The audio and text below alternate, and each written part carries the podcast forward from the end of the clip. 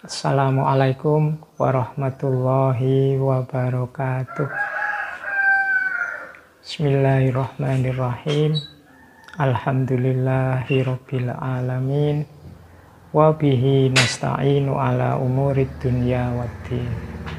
Allahumma sholli wa sallim wa barik ala habibina wa syafi'ina sayyidina wa maulana Muhammadin wa ala alihi wa ashabihi wa man tabi'ahum bi ihsanin ila yaumiddin.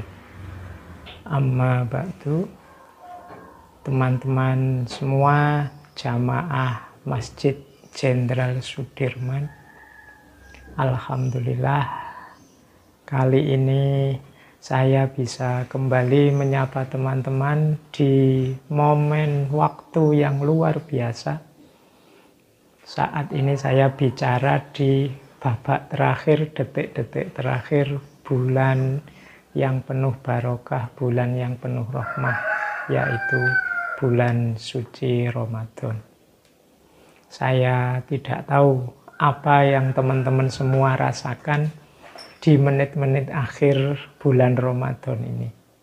Semoga saja teman-teman merasakan puas, merasakan lega, merasakan rasa syukur yang sangat dalam.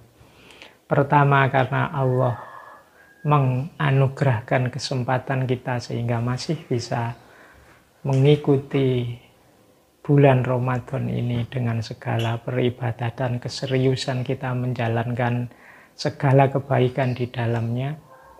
Dan yang kedua, rasa syukur karena apa yang kita inginkan, apa yang kita idealkan di bulan ini terwujud.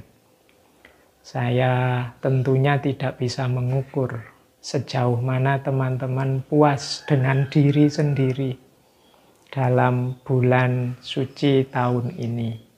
Semoga saja setidaknya ada peningkatan.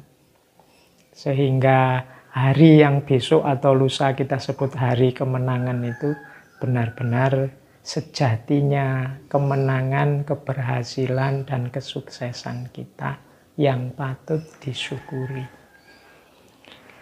Baik, di kesempatan yang tidak terlalu panjang ini, mungkin sedikit saya ingin memberi bahan teman-teman untuk introspeksi, untuk muhasabah sejauh mana kita ini berhasil dan sukses menghidupkan Ramadan. Ya saya tidak tahu nanti jawabannya apa. Seandainya memang kurang memuaskan, mari kita berdoa semoga masih mendapat kesempatan di Ramadan selanjutnya. Kalau memang hasilnya tidak sebagus yang kita inginkan, semoga kita bisa meningkatkan beristiqomah sehingga nantinya di Ramadan yang akan datang kita bisa memaksimalkan. Dan kalau memang sudah sesuai, Alhamdulillah kita bisa beristiqomah untuk melanjutkan segala kebaikan Ramadan itu. Bahan yang saya maksud itu seperti ini. Pertama-tama, keberhasilan Ramadan kita itu yang paling tegas itu oleh Al-Quran disebut adalah kualitas ketakwaan yang meningkat. Maka boleh teman-teman bertanya kepada diri sendiri, apakah takwa kita meningkat atau tidak. Saya kalau teman-teman membaca banyak kitab-kitab, banyak referensi, ada macam-macam definisi takwa. Tapi untuk kali ini saya sebut saja yang paling mudah dari kata-kata takwa itu sendiri ada ulama yang mendefinisikan takwa itu dari hurufnya. Jadi takwa itu kan ada empat huruf yaitu tak, kemudian kof, kemudian wawu, kemudian ya. Taknya dari kata tawadu, kofnya dari kata kona'ah, kemudian wawunya dari kata-kata warok, wirai dan yaknya dari kata-kata yakin. Berarti kalau kita mengikuti definisi ini, apakah takwa kita meningkat? Yang pertama coba kita cek tawaduk kita meningkat apa tidak. Tawaduk itu berarti kerendahan hati, kesadaran bahwa kita ini banyak kekurangan, kita ini banyak kelemahan, sehingga mau tidak mau kita memerlukan Allah, kita harus bersandar pada Allah. Kalau rasa ini semakin kuat di akhir Ramadan berarti ada ketakwaan yang meningkat. Tapi kalau kita merasa Ramadan selesai kita merasa wah saya berhasil ini Ramadan ini saya katam sekian kali saya merasa hari ini sudah jadi orang soleh gara-gara Ramadan ya berarti ada unsur takwa yang tidak kena yaitu tawaduknya yang kedua kof kof itu kona'ah kona'ah itu mudahnya kita definisikan rasa batin kita yang menerima apa pun yang dianugerahkan, yang dijatah, yang diberikan oleh Allah.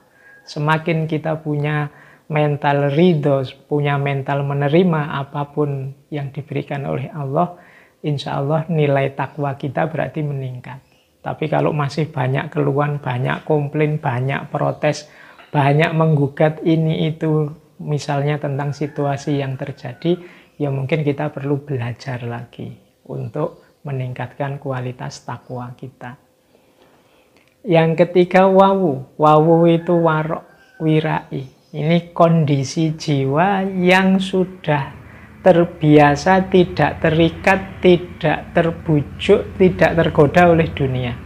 Ini namanya warok. Tidak mudah tergoda, tidak mudah terpengaruh. Ini warok.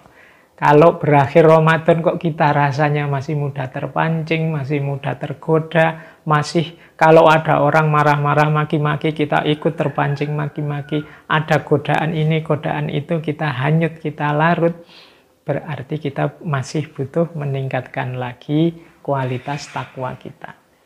Dan yang terakhir ya, ya ini yakin. Yakin itu kemantapan hati kita, keimanan kita, keyakinan kita terhadap Allah, tentang Allah semakin dalam. Jadi rasa kedekatan kita kepada Allah semakin mendalam. Nah ini parameter pertama menurut saya yang memang disebut langsung oleh Al-Quran yaitu takwa. Parameter kedua untuk bahan kita muhasabah, keberhasilan kita mencapai makom takwa itu ditandai antara lain dengan kondisi jiwa kita yang mutmainnah. Mutmainnah itu kondisi jiwa ideal puncak kalau teman-teman belajar tasawuf. Mutmainnah itu berarti batin jiwa kita yang stabil dalam kebaikan. Beda dengan kondisi jiwa di bawahnya. Kalau kondisi jiwa yang belum mutmainnah itu masih banyak pertarungan-pertarungan yang kadang kita menang, kadang kita kalah. Tapi orang mutmainnah itu dia sudah stabil. Jiwanya tumaknina. Apa pun yang terjadi, situasi seburuk apa pun yang dia alami, tidak memalingkan jalur perjalanannya menuju Allah, tidak menjauhkan dia dari Allah. Ini berarti jiwa yang mutmainnah. Mari kita tengok nanti ya. Mungkin menjelang takbiran atau sambil menunggu sholat id, kita tengok diri kita, sudahkah kita di level itu? Kalau sudah nyampe level mutmainnah ini, ya insya Allah kita akan stabil. Kebaikan-kebaikan sepanjang Ramadan itu akan sudah tertanam dalam diri kita dengan kuat. Kita tidak harus bersusah payah, dia akan keluar secara otomatis dari diri kita. Itu dari kondisi jiwa yang sudah mutmainnah ini. Yang ketiga, parameter keberhasilan Ramadan kita ada pada ukuran istiqomah. Ini mungkin kelihatannya sederhana, tapi istiqomah ini menurut saya perjuangan. Istiqomah itu kalau kemarin Ramadan kita melakukan banyak sekali kebaikan-kebaikan, amalan-amalan dana yang wajib tapi juga yang sunnah-sunnah.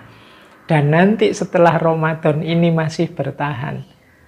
Inilah yang disebut istiqomah. Kalau kita mampu istiqomah setelah ini, itu ukuran paling mudah untuk menunjukkan bahwa Ramadan telah sukses. Jadi kita berhasil menghidupkan suasana Ramadan di 11 bulan sisanya. Kalau di Ramadan itu batin kita betapa khusyuknya, betapa tumak ninahnya berhadapan dengan Allah. Dan setelah Ramadan masih kita hidupkan lagi dan mampu kita hidupkan lagi. Ini yang disebut istiqomah. Di situlah ukurannya Ramadan memang benar-benar sukses. Makanya dalam dunia tasawuf itu ada istilah istiqomah itu khairun min alfi karomah. Istiqomah itu bahkan lebih baik daripada seribu karomah.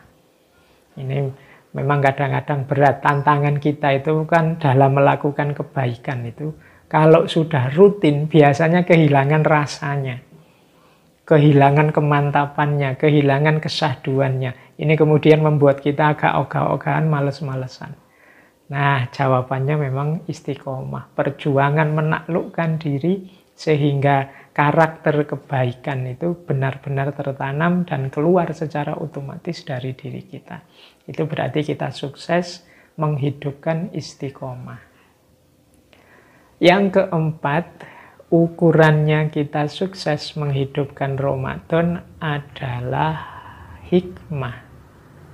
Nah, kalau hikmah ini upaya kita untuk mengambil pelajaran kebaikan dari Ramadan dan kita hidupkan nanti di bulan sisanya. 11 bulan sisanya. Jadi misalnya dari Ramadan ini saya menemukan pelajaran bahwa manusia itu lemah, manusia itu tidak sekuat yang dibayangkan. Nah ini hikmah namanya dan pengetahuan luar biasa yang kita sebut hikmah ini kita manfaatkan untuk kehidupan kita selanjutnya setelah Ramadan. Ini namanya kita mendapatkan hikmah. Ada banyak sekali hikmah bertebaran sepanjang bulan Ramadan ini, baik di ranah sosial, di ranah budaya, bahkan di ranah politik. Kan peristiwa demi peristiwa susul menyusul. Nah, ini mungkin pelajaran-pelajaran yang ditampakkan oleh Allah khusus untuk bulan Ramadan ini untuk kita mengambil pelajaran. Ya termasuk mungkin tentang pandemi, tentang larangan mudik, tentang apa pun. Itu kan banyak. Satu bulan ini peristiwa-peristiwa yang itu mungkin oleh Allah sengaja ditampakkan pada kita di bulan Ramadan ini untuk kita ambil pelajaran, untuk kita ambil hikmah. Banyak ulama menyebut Ramadan itu kan madrasah pelajaran, sekolah bagi kita. Nah, madrasah ini isi pelajarannya ya hikmah-hikmah ayat-ayat yang ditampakkan oleh Allah. Selain ayat-ayat yang ada dalam Al-Quran, yang ada dalam wejangan para alim, para ulama, juga ayat-ayat kauniyah yang berjalan di sekeliling kita. Ini semua pelajaran-pelajaran jadi sebenarnya eman-eman kalau kemarin banyak pelajaran ditampakkan oleh Allah, kok kita tidak mengambil pelajaran apa-apa. Ketika Allah menampakkan satu pelajaran di hadapan kita, kemungkinan di balik itu ada hikmah yang penting yang harus kita pedomani untuk kehidupan kita selanjutnya ke depan. Jadi teman-teman menyikapi berakhirnya Ramadan ini, mari kemudian kita evaluasi. Jadi apakah kita sudah mampu mencapai level takwa, sudahkah jiwa kita masuk ke ranah tukmanina, mampukah kita istiqomah dalam segala kebaikan yang selama ini sudah kita jalani, dan yang terakhir coba kita inventaris, hikmah apa saja, pelajaran apa saja yang sudah kita ambil. Setelah itu Mari kita lihat secara objektif rapot kita bulan Ramadan ini. Apakah kita lulus dengan cukup ataukah baik ataukah sangat baik? Syukur-syukur kumlot. Lulus dengan pujian. Alhamdulillah kalau kita bisa. Semoga tidak hanya lulus dengan cukup Berarti standarnya minimal lulus dengan cukup itu ya mungkin ya seperti dawuhnya kanjeng Nabi laisalahu min siyamihi illal wal atos ya sah sudah puasa sudah gugur kewajibannya ini lulusnya mesti cukup hanya dapat C Semoga paling tidak B lah ya, baik, ada kebaikan-kebaikan yang kita ambil. Syukur-syukur sangat baik, syukur-syukur kumlot.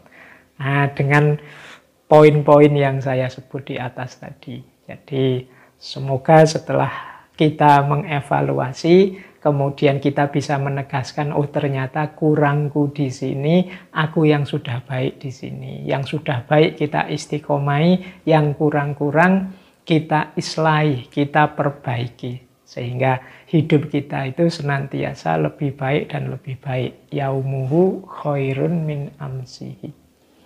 Baik teman-teman, saya kira itu untuk sesi Ramadan mungkin yang terakhir ini.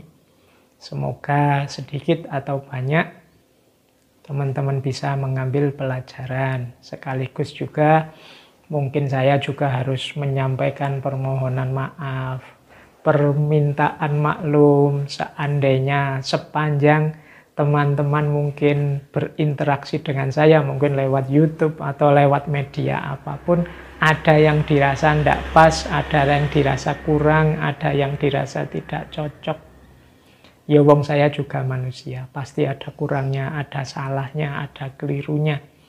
Maka kemuliaan kita sebagai manusia adalah yang merasa salah minta maaf. Yang dimintai maaf juga tidak harus jual mahal karena siapa pun pasti ada salahnya dan butuh dimaafkan. Ini bisa didengarkan nanti diulang lagi dulu pernah ada sesi ngaji filsafat tentang permaafan. Jadi Sekali lagi, saya mohon maaf kalau dalam momen apa pun, di forum apa pun, yang langsung atau tidak langsung, teman-teman berinteraksi dengan saya, ada yang dirasa kurang seret, tidak sesuai, atau bahkan keliru dan salah.